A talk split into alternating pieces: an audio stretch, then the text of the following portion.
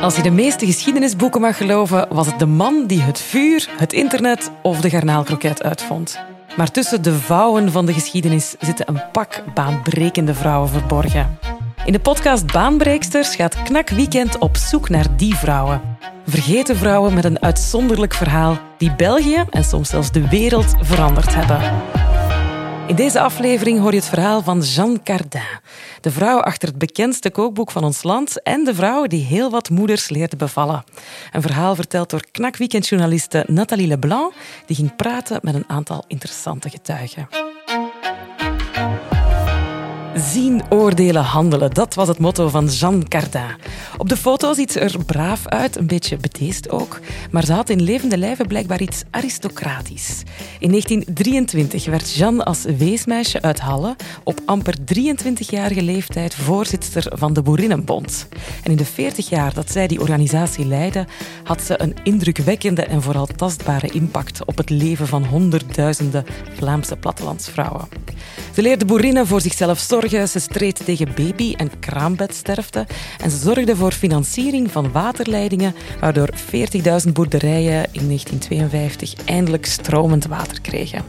Journaliste Nathalie Leblanc van Knak Weekend koos Jeanne Cardin als baanbreekster. Dag Nathalie. Dag Lisa. Waarom heb je voor Jeanne Cardin gekozen? Ik leerde Jean Cardin kennen toen ik een paar jaar geleden een stuk uh, maakte over hoe ons dagelijks eten geëvolueerd is. Het feit dat onze grootmoeders en overgrootmoeders anders aten dan wij. En dan kom je als vanzelf bij Ferm terecht. Dat is hoe de Boerinnenbond vandaag heet. Uh, want zij geven ons kookboek uit en dat is echt een fenomeen. Daar zijn miljoenen exemplaren van verkocht. Er is denk ik geen Vlaamse keuken waar het boek niet staat en gebruikt wordt. Uh, en het allereerste daarvan is uitgegeven in 1927 door Jean Cardin. En dat, dat klinkt zo, dat gaat over levensgenieten, en koken. Maar in die tijd was het eigenlijk een ander verhaal. Het is uitgegeven door de Boerinnenbond omdat er op dat moment in Vlaamse boerenkeukens heel slecht gegeten werd. Er was nog heel veel schaarste, er was heel veel armoede. En zo'n boek ging eigenlijk niet over hoe maak ik lekkere asperges klaar, maar dat ging over hoe maak ik lekkere dingen klaar met het weinige dat ik heb. Historici noemden het wel eens beheren van armoede. Het ging echt over, we hebben niet veel en we moeten toch gezond en lekker eten. Hoe doen we dat? Um, je zou dus kunnen zeggen dat Jean Cardin de vrouw is uh, die haar volk leerde koken. Het boek is een geweldig succes geworden vanaf het begin. De eerste druk was meteen uitverkocht. En het wordt tot op vandaag om de zoveel jaar herwerkt en verkoopt nog altijd ontzettend goed. Ze gaf niet alleen een kookboek uit, er werden ook campagnes opgestart um, in verband met hygiëne. Zoals je al zei, de kindersterfte en de kraambedsterfte was heel hoog. Er werden op de duur ook kraamverzorgsters naar de boerderij gestuurd, bijvoorbeeld. Er werden campagnes bedacht om hun huizen beter in te richten. De woonsituatie was vaak ook nogal erbarmelijk. En om het huishoudelijk werk te verlichten, werd er technologie, dingen als mixers en ovens en diepvriezers. Dat werd gepromoot, er werd uitgelegd waar die dingen voor konden gebruikt worden. En op die manier heeft ze het leven van die vrouwen echt verlicht. En dat was ook wel nodig, want ik ben uh, onder andere met historica Leen van Molle gaan praten. En zij legde uit dat boerin zijn echt wel hard labeur was. In boerengezinnen die het niet breed hadden, was het niet de gewoonte dat de boter die naar de markt ging ook door henzelf zou genuttigd worden. Dat de eieren voor henzelf dienden, dat de mooie groenten en het fruit door henzelf zouden geconsumeerd worden. Dus hun voeding was bijzonder karig, aardappelen, veel eer grof brood dan fijn brood, spekvet uh, of desnoods wat spek, maar geen vlees, of wat wij nu vandaag vlees noemen. Uh, grove groenten, ajuinen, wortelen, kolen, maar veel meer was het niet. Um, het labeur op die bedrijven was ook verschrikkelijk hard. Je moet maar eens koeien melken een paar keer per dag. Dat is zware arbeid. S morgens vroeg tot s avonds laat. Water aanslepen voor die dieren. Uh, we kunnen het ons niet voorstellen, maar dat was een van de zwaarste corveeën in bedrijven in een tijd waarin waterleiding onbestaande was op het platteland. Waarin geen elektriciteit voorhanden was op het platteland. Ja, vrouwen vandaag draaien vaak een dubbele shift, hè, door naast hun job ook nog een groot deel van het huishouden te doen. Maar in 1920 was dat eigenlijk ook al zo dus. Ja, dat klopt. Hè. Boerinnen werkten zes dagen per week. Op zondagochtend gingen ze uiteraard naar de mis. En op zondagmiddag gingen ze dan vaak naar de Boerinnenbond. Ehm, en, en wat er daar gebeurde, was dat opzichters, zoals dat genoemd werd, uh, die uh, reisden het Vlaamse land door om informatie door te geven, om um, vrouwen te leren koken, naaien, al die dingen waar we het daarnet al over hadden. Um, en zo alleen op pad gaan, die jonge vrouwen vaak, spreken voor een groep, kennis doorgeven dat was eigenlijk niet zo vanzelfsprekend vroeger. Ah, en dat was ook iets waar professor Van Molle uh, het over had. Het waren echt eye-openers uh, die niet altijd even vlot aanvaard werden door hun echtgenoten. Ja. Want een vrouw die op stap gaat, het gezin even in de steek laat, die het woord leert te voeren op een vergadering, die eens, dat is een persoonlijke getuigenis uh, uit een onderzoek van een student, en was veel later de KVLV, een vrouw die de vraag kreeg, een boerin, om in de kerk even een gebed vooraan te zeggen tot de gemeenschap. En die werd door haar man uitgelachen en eigenlijk tegengehouden, want dat doe je toch niet, dat, dat kunt jij niet. Het gaat om quasi-ongeschoolde vrouwen, in vele gevallen, die dus op heel veel vlakken kansen kregen. En dan het religieuze aspect mogen we niet onderschatten. En ik ben er zeker van dat Jean Cardijn zelf heel sterk inzette op religie, op devotionalisering van de leden van de Boerinnenbond. Die zij ook dan meenam op bedevaart. En dat was ook weer fantastisch, want boerinnen werden uit hun dorp gehaald, van onder de kerktogen en mochten mee op reis op bedevaart in België naar allerlei Lourdesgrottes, maar ook naar uh, Lourdes zelf. Vanaf 19 vijf of 26 al, om de twee jaar gingen zij naar Lourdes en soms ook naar Rome op bedevaart. Dat moet voor die dames op het platteland een, een, ja, een wereld van verschil hebben gemaakt. Zij hadden eindelijk een stukje van de wereld gezien vrouwen die voor het eerst konden reizen naar Lourdes of Rome. Was het dan echt de verdienste van één vrouw, van, van die Jeanne Cardin? Dat specifiek wel. Um, de Boerenbond was natuurlijk met al die andere dingen al bezig voor zij voorzitter werd. En wat opviel was dat um, Cardin zich omringde met heel erg veel andere competente vrouwen. Dat is echt een team samenstelde. En onder hun hoede groeide de Boerinnenbond als boerenkool. Um, over haar persoonlijk leven vind je eigenlijk niet zo heel erg veel. Er zijn uh, een paar pagina's in de Who's Who in België, um, maar ook niet veel meer. Maar dat ze een baanbreekster was, heeft ook met haar achtergrond te maken. Ze werd een beest toen ze veertien was. Ze kwam bij familie terecht. Ze ging uiteindelijk studeren, wat dat in die tijd niet compleet uitzonderlijk was. Het gebeurde wel, maar op dat moment was bijvoorbeeld de KU Leuven was nog niet open voor vrouwelijke studenten. En wat zij dan als, als voorzitter van die boerenbond deed, ik heb een en ander opgezocht en uh, het is best wel indrukwekkend wat ze gedaan heeft. Hè. Toen ze begon, had de boerinnenbond 20.000 leden. Toen ze op pensioen ging, waren dat er 150.000. Uh, ze start ook een jeugdwerking, want ja, je moet de toekomst van de organisatie natuurlijk ook verzekeren. En eigenlijk heeft ze vooral op, vlak van zo hygiëne en ziekte heel erg grote campagnes gevoerd. Er was nog heel veel TBC, die kindersterfte. We kunnen ons dat vandaag niet voorstellen, maar van alle duizend kinderen die er geboren werden, waren er 110 die hun eerste jaar niet haalden.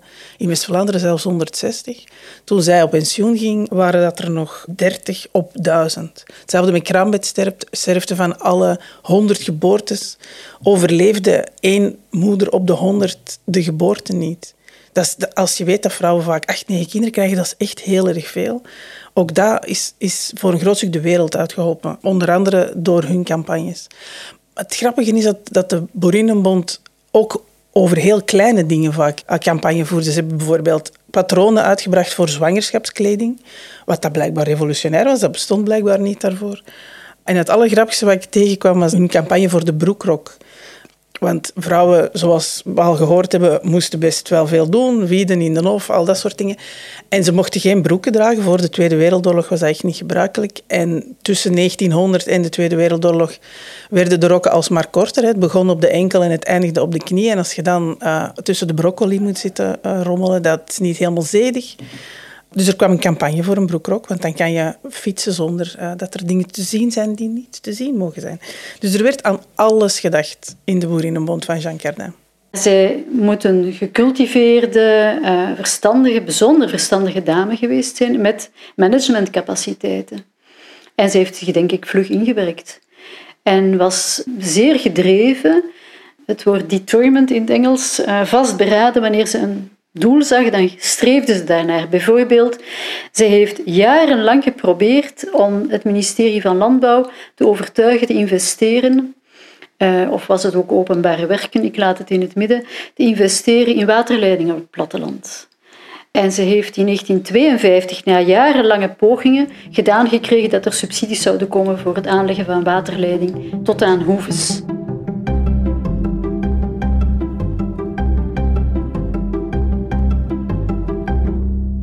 Ze was dus blijkbaar een hele vastberaden vrouw en die heel wat heeft verwezenlijkt tot aan de waterleidingen toe. Maar wat voor leven had Jean Cardin nu eigenlijk zelf? God, ze bleef een beetje een mysterie, moet ik zeggen. Ik heb niet zo heel erg veel over haar gevonden op papier, maar ik had geluk, want toen ik naar Ferm belde om te vragen of zij mij konden helpen, bleek dat de huidige voorzitter, Nick van Gool, die kon daar van alles over vertellen, maar haar mama, eh, Julia de Winter, die had nog onder Jean Cardin gewerkt. Dus ik trok naar Bevel om hen samen te interviewen. En uh, een van de eerste verhalen toonde al meteen wat voor iemand Jean Cardin was. Namelijk, Julia de Winter was een jonge vrouw. Ze had regentes gestudeerd, net als Cardin zelf. En ze gaf les. Ze deed dat heel graag. En er kwam een brief thuis op naam van haar ouders. En daarin stond dat Jean Cardin haar een job aanbood. En dat ze naar de dokter moest, want blijkbaar was dat zo ehm, in de jaren 50 dat je naar de dokter moest voordat je aan een job kon beginnen. Jean Cardin had al aan de school waar Julia les gaf laten weten van deze jonge dame komt voor mij werken, zoek maar iemand anders. Dus die arme Julia die had eigenlijk niet zoveel keuze. Nu, ze was ook wel blij. Ze heeft die job heel graag gedaan, blijkbaar. En haar ouders vonden dat een goed idee dat ze daar ging werken. Maar eigenlijk is ze een beetje opgeëist door uh, Jean Cardin. Een beetje zoals in het leger, maar dan op een zachtaardige manier. En in 1953 deed je blijkbaar gewoon wat je opgedragen werd. Dus ze werkte tot het einde van de jaren 50 uh, als diocesaan leidster. En ze gaf haar job uiteindelijk op omdat ze ging trouwen. En ook dat is iets dat opvalt als ik uh, onderzoek deed, is dat het altijd gaat over het feit dat vrouwen moesten stoppen met werken als ze gingen trouwen. Uh, Julia toen ik haar opzocht en haar interviewde, nuanceerde dat dat eigenlijk toch niet zo ongebruikelijk was. Dat was niet alleen binnen de Boerinnenbond zo. Veel van de opziensters van de Boerinnenbond en van de BNB, minder, maar vooral van de opziensters, waren ongehuwde vrouwen die ook nog zelfs tot aan hun pensioen bleven. Maar van het moment dat men Jan van Pas, noemden wij dat, de man tevoorschijn kwam, dan was het gedaan. Dan mocht een vrouw niet meer werken. En dat eigenlijk wel een beetje spijtig was, want eigenlijk in de structuren vroeger zaten geen getrouwde vrouwen. Was ook niet toegelaten uit het onderwijs, in het katholieke onderwijs tenminste, was het ook zo. Moest jij ook uw taak uw beroep opgeven. En een getrouwde vrouw, dat heeft allemaal met het hiërarchisch systeem te maken als dusdanige. Dat was heel de maatschappij zo en ook specifiek in de Boerinnenbond. Tenminste leidden de functies. In de fabrieken mocht bijvoorbeeld in de geefvaart de vrouwen die aan de band werkten, die mochten blijven, maar de vrouwen die eventueel daar een hogere functie hadden, niet. Als Jean Cardin 40 jaar lang voorzitter is geweest, is zij dan zelf ooit getrouwd? Nee, ze is niet getrouwd en ze heeft ook geen kinderen gekregen. Ze had blijkbaar een soort gelofte afgelegd. Het apostolaat uh, werd dat genoemd. Dat deed mij een beetje denken aan het systeem van begijntjes. Dat waren ook niet echt geestelijke, maar ze hadden wel een gelofte afgelegd voor uh, kuisheid, armoede en engagement. En dat had uh, Jean Cardin dus ook gedaan. Uh, ze leidde een celibatair leven en die armoede betekende blijkbaar vooral dat ze een deel van haar loon uh, naar christelijke goede doelen liet stromen. En ze was dus niet alleen streng voor haar medewerkers, maar ook voor zichzelf. En wat ik graag van Julia wilde weten is of, of Jean Cardin nooit de man van haar dromen was tegengekomen of of dat ze haar werk te belangrijk vond om het op te geven. Daar werd in die tijd niet over gesproken. Dat mocht niet, dat kon niet, dat deed men niet met zijn meerdere. Ik moet trouwens zeggen, Jean Cardin heb ik gekend natuurlijk als persoon. Het was een mooie dame, het was een grote dame, het was een slanke dame. Het had, ze had iets van een aristocratisch tip. Mooie krulhaar. Haar stem was ook wel niet zo krachtig om veel grote groepen toe te spreken. Eh, ze was een heel voorname dame. Dus wij kwamen daar niet met die vragen aan de, aan de orde. Dat hoorde er niet bij. Die Jean Cardin klinkt eigenlijk best intimiderend, als ik het zo hoor. Ik denk dat ze dat eigenlijk ook was. Ook al nuanceert Julia dat wel een beetje. Ze was duidelijk de baas. Maar ze omringde zich vanaf het begin met heel competente vrouwen. Dus dat is op zich al uh, een belangrijke stap. En ze regeerde blijkbaar toch ook niet met ijzeren hand. Er was echt wel wat wisselwerking. En het feit dat al die ondernemende vrouwen in haar omgeving uh, ook ongetrouwd bleven, was eigenlijk toch ook wel een opvallend uh, fenomeen. Die vrouwen waren wel, moet ik zeggen, uh, de voorlopers. Zij waren wel de vrouwen die ook ideeën hadden. Want de doorsnee vrouw was daar niet mee bezig. De vrouwen in de maatschappij, de huismoeders. Ik heb u gezegd, het hiërarchisch systeem was een belangrijk element. Men keek op naar die mensen. Zij hadden veel te bieden. Zij zorgden dat de maatschappij juist en goed evolueerde, wat eigen was voor die tijd. En wat dat heel belangrijk was natuurlijk, het element de andere. Dus was belangrijk. Het eigen ik moest voor een stuk uitgeschakeld worden. En ja, dat werd duidelijk ook gezegd. Hè. Het was niet alleen een beroep, maar het was een roeping. De verheffing hè, van de medemens, de inzet voor de medemens, dat was een belangrijk iets. Het ik werd weggecijferd, ook was in die cultuur aanwezig. Er waren mensen die de voortrekkers waren.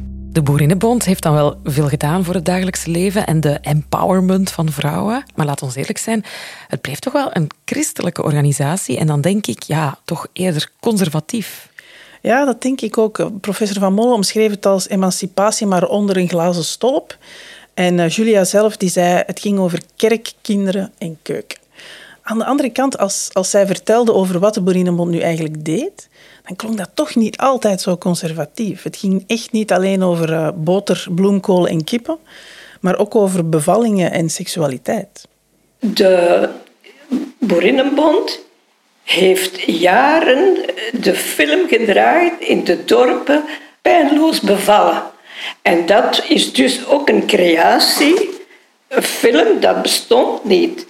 De vroedvrouw, die verantwoordelijk was nationaal, die had dan samen met een man die dan de regie deed van de Boerenbond een film samengesteld. Zij leidden dat dan in in de dorpen. Die zijn per dorp gegaan. De plaatselijke mensen vroegen erachter om die film te tonen. Dat was een unicum moet ik zeggen, dat bestond niet. Dat allemaal in het kader van de seksualiteit en het bevallen zonder angst.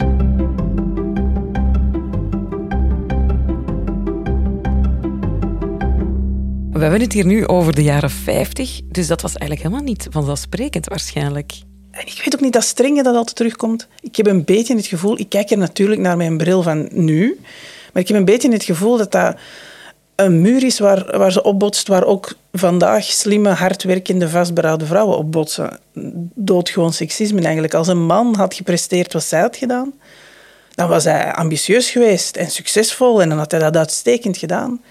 Maar Jean Cardin was streng. Het moet ook wel, wel best zwaar geweest zijn hè? als vrouw um, in een wereld die nog totaal door mannen gerund werd. Zeker in het begin, toen, toen ze nog heel jong was, want hè, ze was 23 toen ze voorzitter werd. Ja, dat vertelde historica Leen van Molle ook. Hè. De schaduw van de Boerenbond was heel groot. En ze was dan wel ambitieus en ze heeft heel veel gedaan, maar dat was toch binnen de lijntjes die door die Boerenbond werden uitgezet. Ze wou bijvoorbeeld heel graag naar internationale vrouwenconferenties. Begin van de vorige eeuw doken die plots overal op. En toen ze daar toestemming voor vroeg, mocht dat niet van de Boerenbond. Want dan, verdachten ze dat ze daar in contact zou komen met organisaties die niet christelijk waren, geen plattelandsvrouwen. Dus ze deed heel erg veel, maar tegelijkertijd moest ze ook heel diplomatisch zijn en, en heel goed binnen die lijntjes kleuren. En dat is iets wat de voorzitter van Ferm van vandaag, Nick van Gool, ook toegeeft dat Jean Cardin niet zomaar haar eigen koers kon varen. Zij was een vrouw, eerst en vooral, die getolereerd werd door de Boerenbond, als ik het zo mag zeggen. Ehm, zij was goed geëduceerd, ze was onderwijzeres. En nadien had zij nog wetenschappelijke regentes gaan studeren. Dat was al uitzonderlijk. Dat is de top van de diploma's van die tijd. Dat voor een vrouw in een periode dat je niet mocht studeren of niet kon studeren omwille van financiën, want zo was dat vaak op het platteland, dat was al een bijzondere uh, verdienste. Twee, um, zij was ook iemand die, denk ik, heel betrouwbaar was. Hè. Zij um, ging voor alle beslissingen die zij uh, maakte ook het advies vragen van het hoofdbestuur van de Boerenbond. Hè. Dus ze was op dat vlak, denk ik, iemand die ook goed volgde. Ook met een andere partij waar ze rekening moest houden in die tijd was de kerk. Ook daar had zij goede contacten met de proosten van de Boerenbond, ook via in haar eigen familie. Eh, zij is een nichtje van eh, Kardijn. Dus op dat vlak denk ik dat zij ook een aantal punten had. En is het niet verwonderlijk door het feit dat zij die verschillende elementen samen had. En dan nog een vrouw met een visie en die sterk kon leiden dat zij degene was die het kon waarmaken en de Boerinnenbond eigenlijk en cours de route heeft kunnen ontwikkelen. Cardijns ideeën pasten duidelijk in haar tijd, maar vandaag gebruikt de Boerinnenbond nog altijd die basislijnen die door haar zijn uitgezet. Het idee dat vrouwen belangrijk waren, dat ze voor zichzelf moesten zorgen en dat ze praktische noden van het dagelijkse leven moesten aangepakt worden, dat leeft vandaag nog altijd binnen Ferm. Als vrouwen buiten huis wilden gaan werken, als een probleem van wat doe ik dan met de kinderen, dan hebben wij vanuit KVLV de dienst voor opvanggezinnen, onthaalouders, opgericht. In de stad had men kinderdagverblijven. Op het platteland had men dat niet. En zo, en dat is iets ook een constante, wij zijn zeer eh, innovatief geweest en inventief om altijd antwoorden te geven op het platteland. Vrouwen zijn belangrijk. Dat is van bij aanvang belangrijk geweest. We hebben dat als organisatie uh, altijd heel belangrijk gevonden om die vrouwen te ondersteunen op diverse vlakken. In hun eigen zijn, hè, van wie dat ze zijn, dat ze de moeite waard zijn. En ook hebben zo bijvoorbeeld in de jaren uh, 60, 70 was dat, ook aan de vrouwen duidelijk gemaakt van wat dat jij doet, of dat je nu boerin bent of buitenhuiswerkende vrouw, wat jij doet is belangrijk. Hè. Je bent niet niks, je bent uh, ook op je identiteitskaart werd er vroeger opgeschreven geen beroep. Wij hebben er als KVLV voor geijverd om te zeggen, je hebt een beroep. Je bent boerin of je bent thuiswerkende, je hebt, je hebt een identiteit, je bent belangrijk. En dat is het ondersteunen van vrouwen, is ook een rode lijn in die 110 jaar van Boerinnenbond tot Ferm. Wij zijn een organisatie en dat heeft ook met die boerenwortels te maken. Ja. Wij gaan nooit zeggen wat de vrouwen moeten denken of wat de vrouwen moeten doen. Ja, Nathalie, wat denk je? Zou um, Jeanne Cardin eigenlijk een toffe vrouw geweest zijn? Zou je zo met haar een terrasje willen doen? Ik weet het eigenlijk niet. Als stadskind had ik een heel cliché idee van uh, wat de Boerinnenbond was. En dat, dat idee is nu wel bijgesteld. En ze was misschien wel een beetje een kwezel en ze was denk ik toch echt ook wel streng. Maar ik bewonder haar ook echt wel enorm. Ik denk dat ze um, op heel jonge leeftijd al dingen deed in een wereld waar dat, dat helemaal niet vanzelfsprekend was voor jonge vrouwen om dingen te doen. En misschien was haar doel wel emancipatie onder een stolp. Maar het ding is, als je de deur op een kier zet, dan gaat die onvermijdelijk verder open. Of dat ze dat nu gewild heeft of niet. Als je het leven van vrouwen verandert, dan verandert de maatschappij. En dat heeft ze eigenlijk wel gedaan. Dus daar verdient ze zeker onze boning voor. En ze is definitely een baanbreekster. En als ik vandaag nog kalfsfricassee wil maken, dan neem ik nog altijd ons kookboek vast. Ik heb een versie uit 1954. Ze heeft het recept misschien zelf niet geschreven, maar zij heeft er wel voor gezorgd dat die in mijn keuken staat. Volgende keer hebben we het over interieurarchitecte Ellie Kruithof. Een jonge Antwerpse die in de jaren 50 het Belgische interieurlandschap voor goed deed veranderen. Je hoort het in de volgende aflevering van Baanbreeksters de podcast van Knak Weekend.